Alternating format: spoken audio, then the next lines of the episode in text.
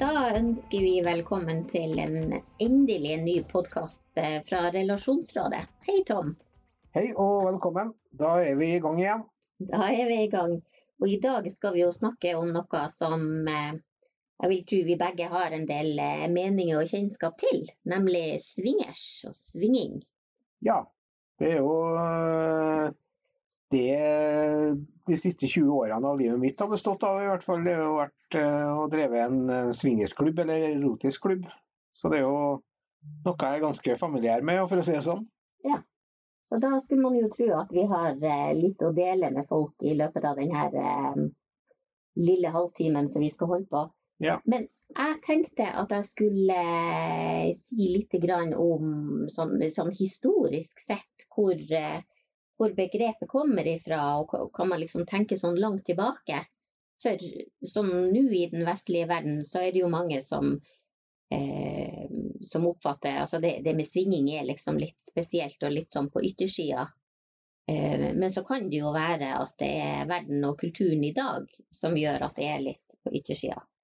Historisk så er det jo Det har jo vært i veldig, veldig bølgedaler, skal jeg si. Og det er klart at eh, det var jo veldig populært eh, hvis man skrur 30-40-50 år tilbake i tid. Eh, og så har det vært, eh, Men det, det, det, er jo som du sier, det har med kultur og det har med litt rann, hvordan eh, samfunnet er skrudd sammen og hvordan man aksepterer det og ikke. Ja. Men nå har det jo vært en veldig positiv utvikling de siste 20 årene, syns jeg, i Norge. da. Det har jo vært en veldig positiv utvikling. Mm. Og hvis vi går enda lenger tilbake, så er det jo mye som tyder på at samfunn rundt om i verden i tidligere tider ofte mottok både gjester og feira begivenheter med orgier. Og mange samfunn praktiserte fri sex. Mm. Det, det, her er jo ikke sånn 100% bevisst, men det er jo mer og mer det som historien tyder på. Eh, og hvis vi går langt nok tilbake i tid, så er det en ganske sånn reell mulighet for at damer i stammesamfunn kunne ha sex med alle menn i stammen. Eh, og det var jo ikke bare pga. nytelsen sin, eh, sin, del, det var jo en rekke fordeler med det. F.eks. at eh, når man da fikk barn, så ville alle menn i stammen føle at barnet kunne være deres, og dermed jobbe sammen om å beskytte barnet og resten av stammen. Og det ville kanskje sånn evolusjonsmessig sett i praksis være at den mannen med den beste sæden, altså de beste arvestoffene, som var far til barnet.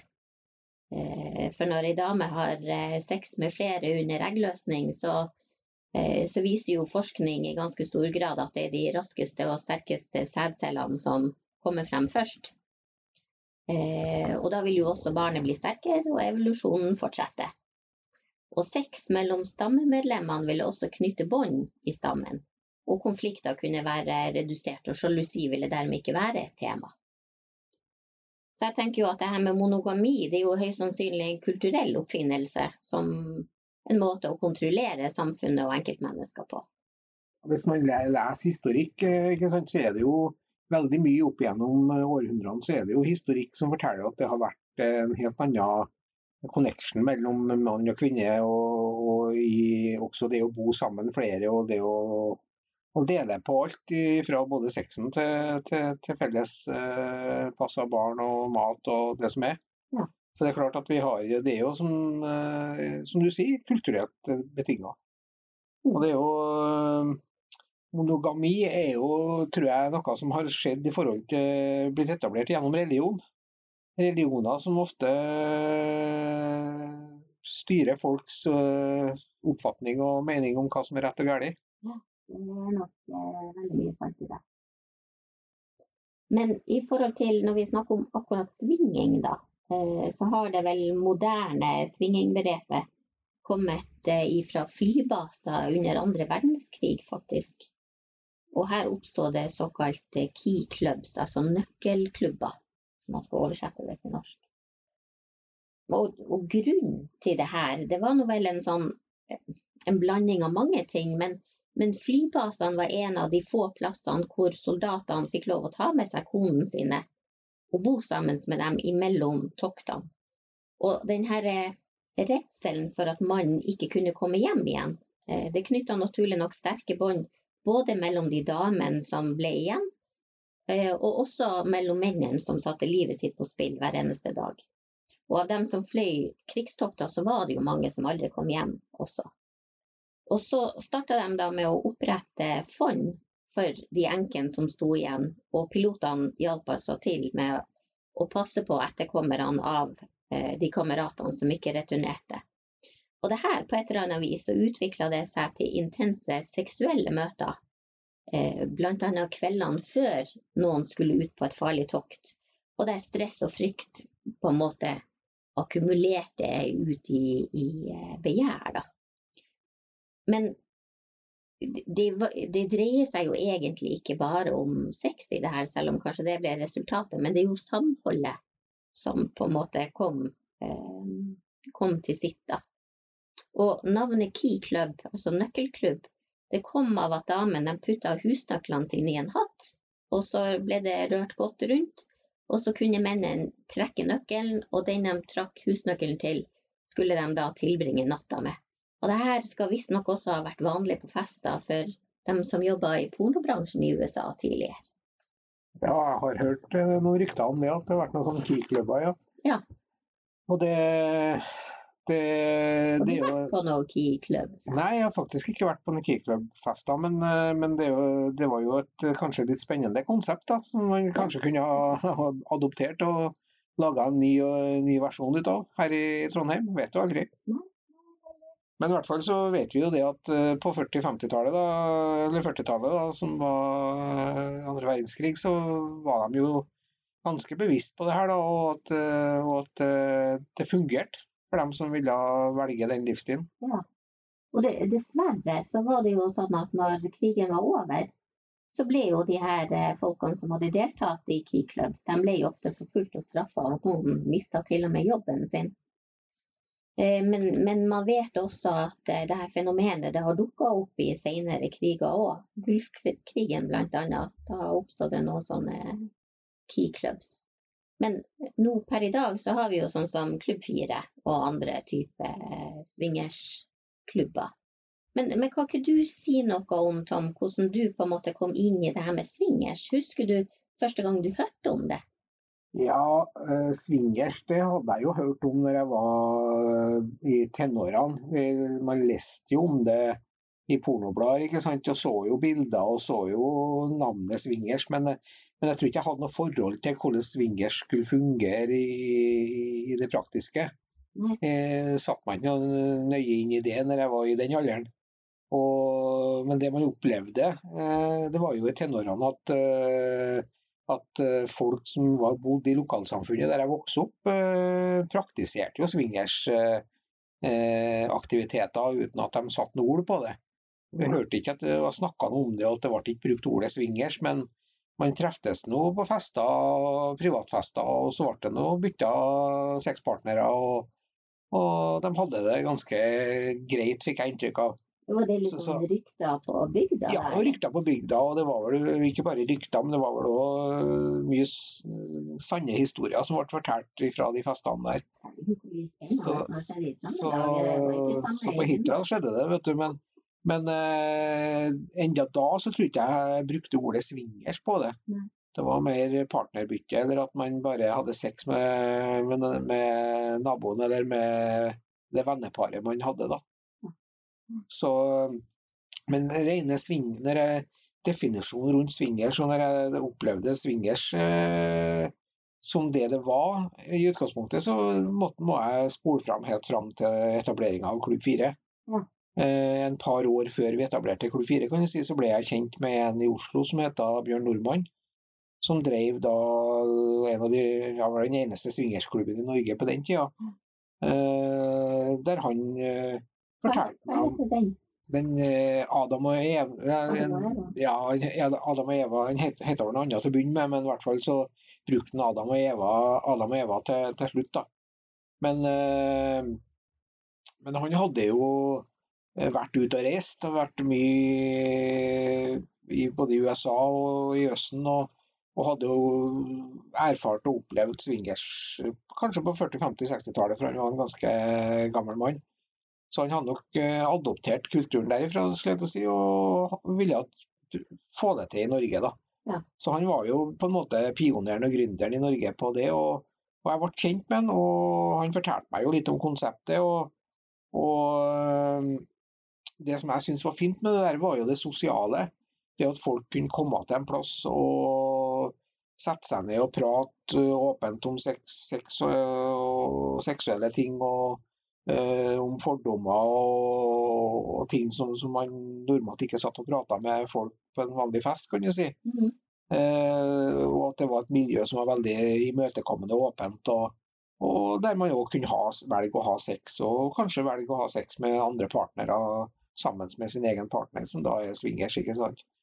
Så, så det var jo liksom det som var i introen, og som gjorde meg litt nysgjerrig på for det, Opp gjennom årene så må man jo innrømme det at man har jo vært inne på tanken om det med å bytte partner og ha flere, flere i fellesskap når man hadde sex eh, og sånne ting. Så det, det var ikke noen fremmed tanke for meg, men uh, hadde ikke, liksom ikke satt det i noe system, da. Nei, når, sånn. når satte det i system, da? Nei, det ble jo da når, vi, når jeg bestemte meg for å etablere Klubb 4.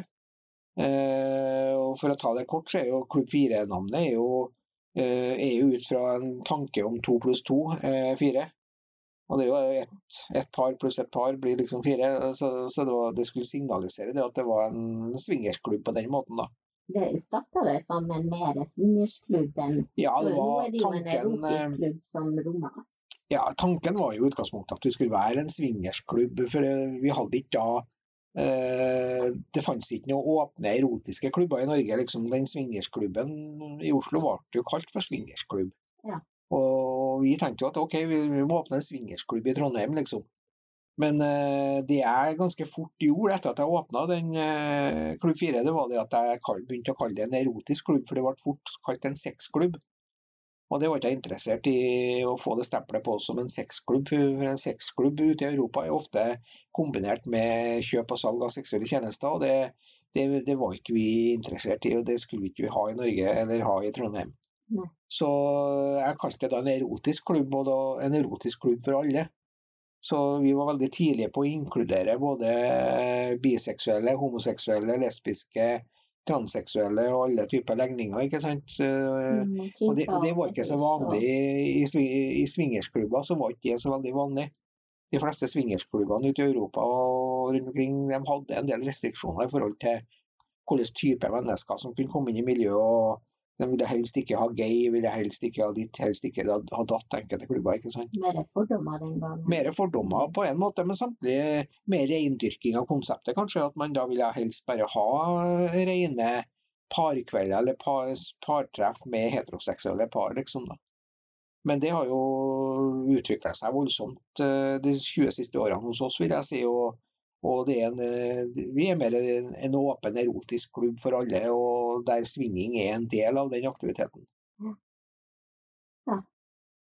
Kan du huske din første swingersopplevelse? Sånn definert som swingersopplevelse måtte jo være, en av det, måtte jo være det første året i Klubb 4, da når vi drev i Tordenskioldsgata. eh, Der jeg og min tidligere samboer eh, delte hadde sexopplevelser med andre par da, som kom i den klubben. Ja. Så det var vel den første erfaringa som vi kalte for swingers, og var på en måte swingers. da. Mm. Så det er jo en 20 år siden, godt vel 20 år siden. da. Min eh, første erfaring, det var, det var jo også litt sånn som eh, i forhold til deg gjennom pornoblad, at at jeg hørte om begrepet først. Og da var jeg nå vel egentlig ganske ung. Jeg tror ikke jeg var mer enn eh, kanskje 13-14 år. Jeg hadde kommet over noe sånn eh, pornoblad eh, på hytta, som eh, sikkert var faren min sitt, da, hvor det var en sånn eh, spesialutgave med sånn lang historie. Det var vel sånn utdrag fra ei bok, tror jeg, i forhold til ei som var veldig aktiv i, i swingersmiljøet. Jeg hadde jo aldri hørt om det før. Um, men det var utrolig spennende. Det, det er en av de liksom sånn få sånne historiene i, i pornoblader som jeg husker ganske godt da jeg har lest. For det, det tente meg veldig da, men det, det var jo en helt annen eh, beskrivelse. Det var jo liksom sånne eh, ville, svære fester i USA hvor, hvor noen plutselig bare hadde sex med deg. Sant? Det var, var ikke det som eh, det er nå, med alle de reglene eh, i forhold til eh, mye mer ordna forhold og samtykke og eh, Ja. alle de tingene der, da. Men, men det, jeg husker at det var en sånn veldig eh, spennende greie. Men så, så var jeg jo egentlig ikke noe borti det før jeg da traff deg. Vi ble Nei, det gikk det sammen. noen mange år da, for vi traff, jeg traff ikke deg før du var gått opp i 30-årene. Nei, Det kan du si. Så før det så var det jo lite Altså, um, jeg var jo i Vil du si at det, at det, det var kulturen som begrensa det? At det var det at ikke var vanlig, at det ikke var akseptert? Vi spoler jo tilbake nå på 90-tallet. Ja, vi er på 90, 90-tallet. tidlig, tidlig 2000-tall. Um, jeg jeg vet ikke om det var noe sånn kultur for det i Hammerfest. Jeg husker at vi Jeg hørte om eh, noen jeg kjente da, som da var veldig godt voksen, og som visstnok hadde eh, laga en eh, pornofilm med seg sjøl og, og et vennepar som da hadde havna på søppelfyllinga, hvor noen da hadde funnet det. Du skjønner? Ja, ja, ja. På, på nivå, det nivået der. Jeg ser nok det. Men, men ellers så personlig for meg, så, så hadde det jo da vært eh, noen få opplevelser med eh, kjærester hvor vi hadde truffet en tredje person. Men, men ikke sånn type partnerbytte Partnerbytte, og, og den type ting. Nei. Så jeg var helt jomfru når jeg traff deg, Tom. Sier du det? Ja, ja. Det, men da syns jeg du kan si noen ord om hvordan du opplevde det, da. Å komme inn i en erotisk klubb med, med et swingers-tema. Ja. Eh, nå var det jo, når vi møtte hverandre, så hadde jo ikke Klubb 4 noe faste lokaler. Så da var det jo litt sånn spredde arrangementer eh, rundt forbi på hytter og hotellrom og hotellsuiter og sånn, husker jeg. Eh, og i starten så var jeg, jeg tror, jeg tror jeg var for nervøs til å på en måte kunne nyte ting ordentlig. Jeg tror jeg hadde veldig høye skuldre i i begynnelsen, og før jeg liksom fant ut at man kan jo bare være seg sjøl. Du må liksom ikke være noe du ikke er, eller noe sånt. Nei, altså folk flest eh, kompliserer jo det der en del. Ja. Men det er klart at uh, Men alle er jo kjemperedde første gangen de kommer. Ja, så mange har jo veldig fantasier, veldig tanker og lyster rundt det å treffe nye folk og ha sex kanskje med nye mennesker og nye erfaringer og sånt. Men eh, vi mennesker er jo skrudd sammen sånn at vi er skeptiske og redd for det som ikke vi kjenner til og ikke vet. ikke sant? Så vi er jo, blir jo veldig negativt innstilt i hodet. Og er redd for å gjøre feil, redd for å ikke bli være bra nok, ikke redd for å ha eh, bli oppfatta feil hos, de, hos de andre. ikke sant? For man kjenner ikke de nye menneskene og vet ikke hva de tenker. Og, ja. Så det er masse vi vi, vi er veldig snart til å begynne å lage masse problemstillinger oppi hodet eh, til oss. Og, og også da eh, som du sier, høye skuldre som gjør at man kanskje knyter seg litt og kanskje ikke eh, klarer å slippe seg løs. Og, og både nyte og kanskje ha det bra i, i den situasjonen man kommer i. da. Mm. Og så, så tror jeg at det er en sånn, eh, på en måte, i hvert fall hos meg, en sånn redsel for å ikke, ikke strekke til. Litt sånn enn hvis jeg ikke blir kåt, enn hvis eh, det lukter rart av meg, enn hvis det og det skjer. Sånn At man, Ja. man koker hodet sitt med masse unødvendige Du tanker, er, egentlig. du er ikke alene om det. Jeg tror de fleste eh, har de tankene der. Og så er det de aller fleste har er usikker på hvordan man skal oppføre seg, eh, hvilke signaler man skal gi. For det er klart at eh, ofte så kommer man inn i en setting med folk, med nye mennesker, og så har man ikke klarert kjøreregler på forhånd. Man har ikke, har ikke snakka så mye om hva du liker, hva jeg liker, hva, hva som er liksom greia. Og så kaster man seg kanskje litt fort ut i det òg, da. Mm. Så derfor så er spesielt de senere årene så har, har vi vært mye mer bevisst i klubbmiljøet mitt på, eh, i det klubbmiljøet vi driver, da. At vi informerer og, og kommer med mer, eh, litt mer sånn innspill til dem som er nye. Og det å forberede dem litt på hva, møter, hva som møter dem i et erotisk miljø. hvilken type mennesker som er der, og hvordan, de, hvordan folk oppfører seg og hvordan de tenker. og ja, Gå gjennom litt det. For det, det, det, handler nok litt om å, om å få bort det der, eh, de der skremselstankene man har med, eh, rundt det, det, å treffe andre mennesker. Da. Ja. Og jeg husker også at når jeg på en måte eh, når, når, det på en måte ikke var så nøye om ting skar seg litt, eller ikke ble helt som man hadde tenkt, da ble det liksom litt lettere å slappe av, hvis, hvis du skjønner hva jeg mener. Man ja. liksom bare klarte å slippe skuldrene og tenke ja ja, det blir noe som det blir. Og blir det bra, så er det kjempebra. Og blir det ikke eh, like vellykka, så er det i grunnen en eh, grei erfaring, det òg. Ja. Så lenge man gjør ting fordi at man sjøl har lyst til det, vel å merke. Ja, og jeg tenker det at det, det er jo som å det å, Livet består jo av lærdom. Og det å trekke erfaringer og, og, det å lære seg å sykle er jo en ting. ikke sant? Du, syk, du sykler ikke rett fram første gangen du sykler, eller? Og det er det samme med hvis man begynner med noe nytt innen sexlivet òg. Så er det jo ikke dermed sagt at, man, eh, at det er perfekt fra første øyeblikk, liksom. Mm. Og at, at, man, at, de fantasiene og de tankene man har lyst på, kan bli realisert på 1, 2, 3, liksom. Så øh, man må, må gå veien litt der. Og, det er jo, du er jo kanskje et godt eksempel på det. Begge to så er vi jo det. At, øh, at det er jo erfaring og det å kunne ha erfart noe og opplevd noe som gjør at man bygger videre på det og finner, finner ut hva man likte og hva man ikke likte. Folk er jo forskjellige. Mm. Folk har jo forskjellige forutsetninger og forskjellige lyster og forskjellige tanker rundt hva man egentlig vil oppleve. Noen vil kanskje bare kose og ha massasje og bare ta på og kjenne på. Og så er det nok. Også noen vil bli, ha skikkelig heftig sex og, og en skikkelig runde, liksom. Så det, det er veldig sånn forskjellig nivå på hva folk eh, forventer ut av en sånn setting. Ja. Og det er klart at da er det viktig at man eh, at man eh, tenker som så at OK, det, det ble kanskje ikke sånn som jeg hadde tenkt det den gangen her, men det går an å trekke litt erfaring ut av det. Og så er vi litt bedre forberedt neste gang. Ja. Og så, så, er det jo veldig forskjellig hvem man treffer. Ja. Og klart det kommer an på også deres erfaring og, og forventninger til hvordan ting skal bli. Men, men jeg har nok eh, erfarte nok sånn relativt tidlig at jeg er ikke noe superswingers. Jeg vil ikke definere meg sjøl som swingers.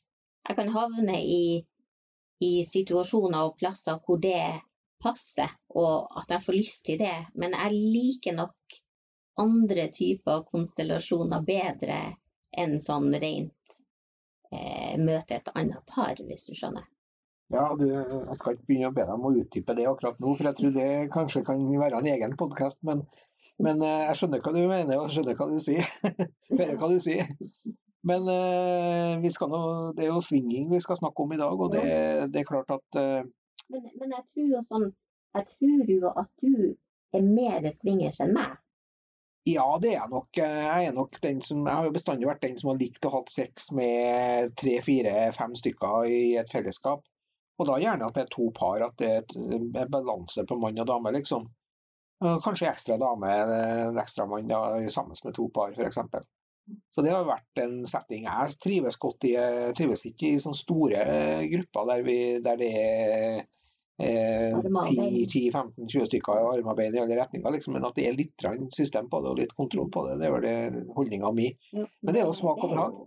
Uh, og det, i forhold til det med, med svinging, da, så er det jo Jeg syns jo det er spennende uh, det, å, det, å, kunne treffe nye folk. Altså, det, nye folk så er det bestandig nye opplevelser. Det er aldri det samme du opplever det aldri det samme som skjer om du, om når du møter tre forskjellige swingerspar. Så, det, så har de tre forskjellige parene helt forskjellige innfallsvinkler, helt forskjellige tanker og lyster. og sånn, så det så jeg syns kanskje òg det, det som gjør at jeg trives med å være i et swingersmiljø, det, det er jo det at, at det byr på nye opplevelser hele tida. Eller det byr på andre annen type opplevelser enn bare et rent sextreff. Det, for det, det, handler jo mye om kjemi. Det handler, det, det handler jo om mye, det sosiale, sosiale. sosiale, og kjemi i et sånt fingerstreff. Hvis du skal treffe en blind date og bare ha sex med, med en mann eller en dame, så er det, jo, er det jo heller ikke så mye eh, Det er ikke så komplisert, da. Det blir jo mer komplisert når man er fire stykker. Da er det jo plutselig fire stykker som skal matche sammen, eller i hvert fall to, to og to, og kryss, kryssmatcher, liksom. Ja.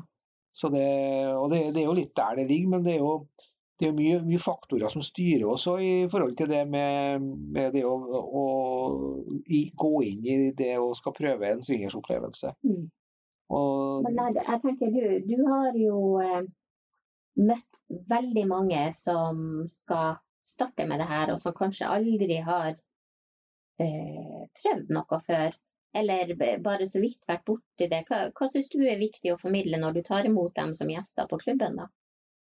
Nei, Det som er det aller viktigste budskapet til meg, det er at folk kommer der med, som du sier, med høye skuldre, og de kommer dit med, med store forventninger. Folk har jo gjerne bygd opp en forventning til at å, i kveld skal det skje, for vi, nå har vi dratt på en erotisk klubb eller swingersklubb, og, og vi skal treffe andre folk. og ja, ja. Skal, Nå skal det skje, liksom.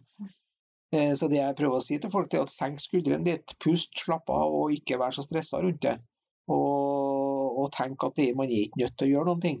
Kanskje bare være der og oppleve atmosfæren, oppleve, oppleve, det sosiale, oppleve hvordan det fungerer mellom mennesker, og se hvordan, det, hvordan de forskjellige menneskene er. Mm. Eh, det tror jeg kanskje kan være lurt for alle som er der for første gang. Liksom, ikke bare hoppe uti det, men ta de, de, små stegene liksom, og prøve å være litt mer forberedt på hva som møter, møter dem.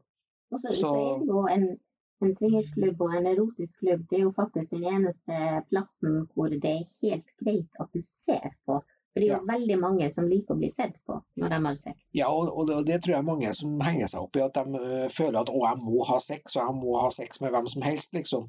Når jeg først har dratt til en sånn klubb, en swingersklubb eller erotisk klubb, så, så er det forventa liksom, at jeg skal være tilgjengelig og at jeg skal ha sex med alle, men sånn er det ikke. Ja.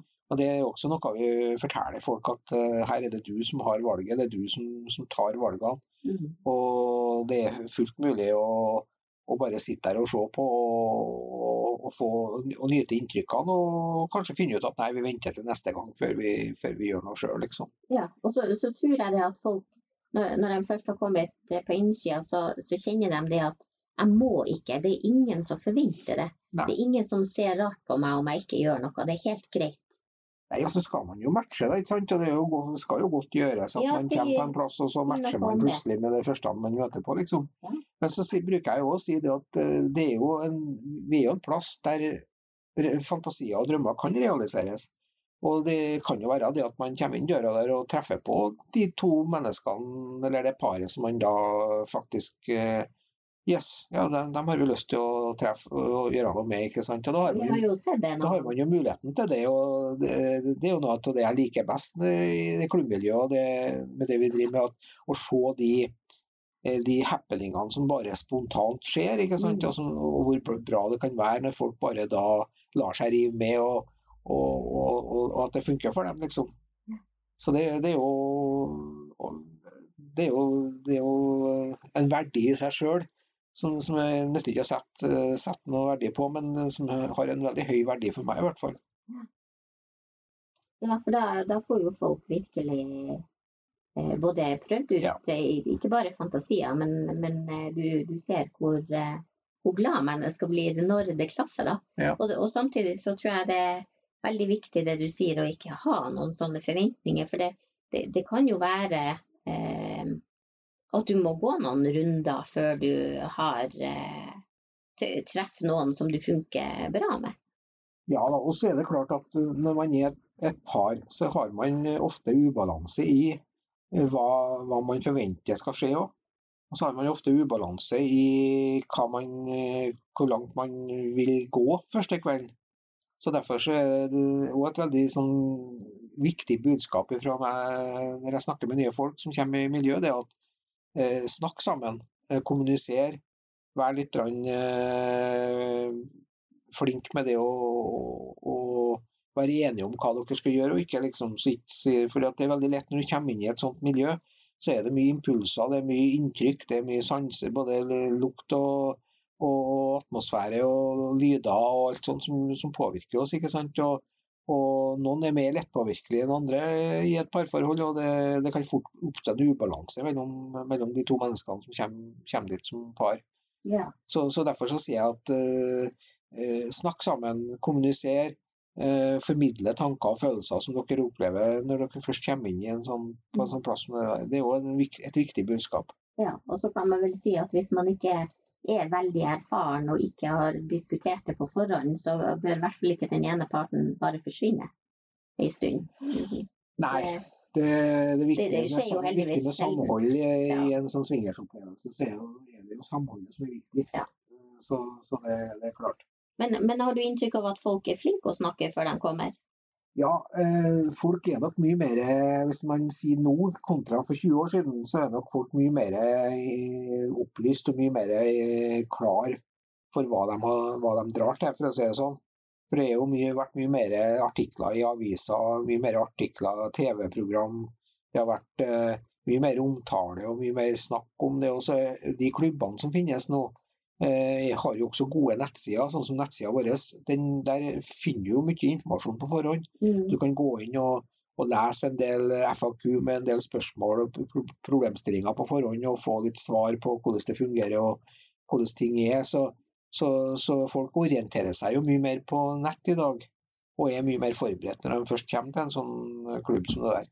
Ja. Så, så, så det er jo bra. Men, eh, men allikevel så er det en del faktorer folk ikke tenker over nok. og det er jo eh, det- er jo iboende i mennesker at det er en del sjalusi.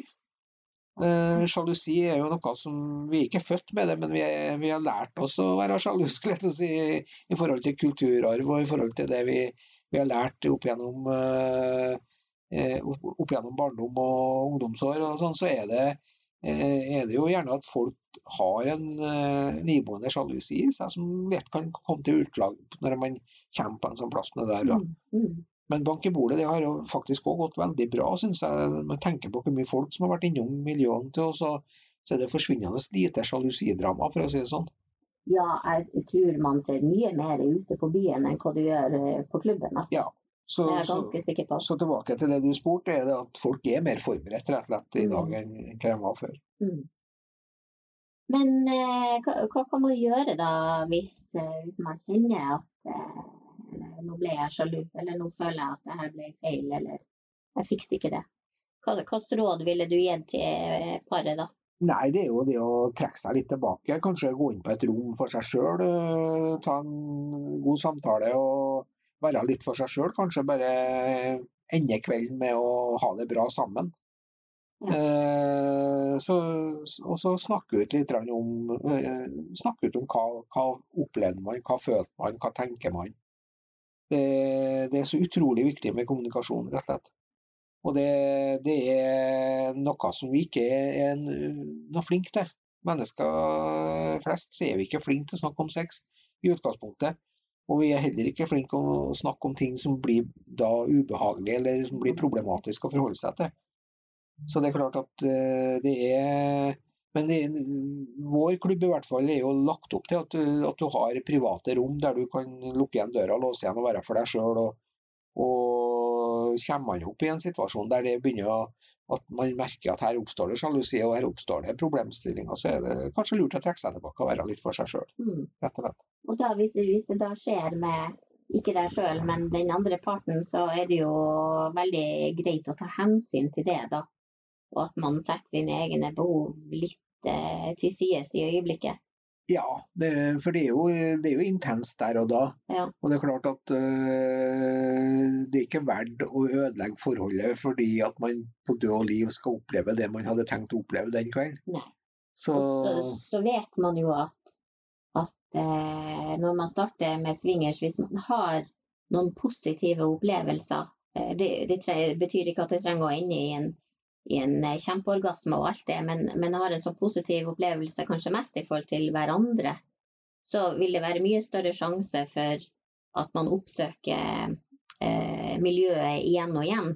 Men hvis man har en negativ sjanse, så er det veldig negativ opplevelse, så kan det være en veldig kort vei til å aldri mer prøve, for da har liksom det vært helt mislykka. Så, øh, det, er jo, det er jo det å gi det en sjanse, tenker jeg da. Eh, For det er jo som sagt veldig mange som har fantasier og drømmer og følelser rundt det. Og, og det er jo noe vi kan snakke om i et eget program, tenker jeg. Det med hva, gå litt mer detaljert inn på hva er det, hva er det som skal, hvilke faktorer skal man forholde seg til, og hvordan kan man løse dem underveis. Og, også det å kanskje hvordan bevare eh, følelsene i et parforhold samtidig som at man har et åpent forhold der man svinger med andre mennesker. Eh, det, det, det, krever mer enn én podkast, det temaet her, tenker jeg. Ja. Sånn at uh, det er å gå inn litt nærmere på det etter hvert. Men det jeg vil si avslutningsvis her, det er det at uh, vi har starta med å snakke om swingers. Og, og det swingers i utgangspunktet kan være en veldig positiv ting for mennesker. For jeg nevnte jo her i stad at det, en, det, kan jo ofte være ubalanse i parforhold. At mm. noen vil ha mer opplevelser enn den andre, f.eks. Og, og, og, det kan man på en måte utligne litt med å, å være i et erotisk miljø eller i en, i en swingers-setting. For da er det jo mer muligheter for den som vil være veldig aktiv, til å være litt mer aktiv da, hvis man ønsker det. Ja, og hvis Mens den andre parten, syns at ja, hvis den andre parten syns det er greit. ikke sant? I, og da er det i trygge rammer, i trygge forhold. og og, og så, så, er det noe som begge kan klare å forholde seg til. Mm. Det er jo mye bedre det enn at man, eh, den ene parten da begynner å være utro på, på, på egen hånd og, og oppsøke sexpartnere på egen hånd. og der Det skapes både mistenkeliggjøring og sjalusi og problemstillinger rundt det. Så, så det er også, Swingerskulturen kan også være en veldig god innfallsvinkel for å få et bedre parforhold, et bedre sexliv og en bedre, mm. bedre opplevelse for, for, begge, egentlig. Da. Jo, det er, jeg, det er veldig enig i, men, men, det er vel ikke det man skal gjøre hvis forholdet holder på å rakne. Du, du må Nei, det, det, hvis forholdet holder på å rakne, så skal man oppsøke Relasjonsrådet. Ja, og, og få noen gode råd og, og veiledning der. Eh, før man da eventuelt tar steget og, og drar til en, en klubb, tenker jeg. Og det, og men, men, man må være ganske litt... sånn trygg på hverandre og ha tillit til hverandre for å, ja. for å trives som swingers? Ja, det er jo trygghet og tillit det handler om i alle sammenhenger, og spesielt innen swingers. Så må man jo føle seg trygg på at den andre partneren eh, mm. Er der av motivet at de skal ha felles opplevelser og glede. At man ikke er egoistisk og bare velger sin egen kake, liksom. Ja, det er jo kjempeviktig. Så i forhold til, forhold til det, så er det kan, kan, vi jo si til slutt her at uh, Relasjonsrådet er jo en, uh, en nettside og, der du kan snakke med sexologer og parterapeuter som kan gi gode råd og veiledninger på den type problemstillinger. Og hvis man da er i tvil på om, det er noe for seg eller ikke, så kan det jo være greit å snakke med noen andre om det òg. Ja, absolutt. Mm. Og vi, vi, har jo Eh, vi har jo både kunnskap og erfaring i forhold til både det med monogami og ikke monogami, så eh, her kan man absolutt snakke fritt om alt hva man måtte ønske. Ja. Da tror jeg vi sier takk for i dag. Ja, så... Det var spennende det her. og jeg gleder meg til å gå litt dypere inn i det som har med med ting som har med svinging å gjøre, da, kan du si, og som, hvordan man ivaretar svingerforhold og sånne ting. Ja, det, og det skal vi absolutt eh, gjøre om ikke så altfor lenge. For her er det fortsatt veldig mye å snakke om. Jepp. Da sier vi takk for i dag. takk for i dag.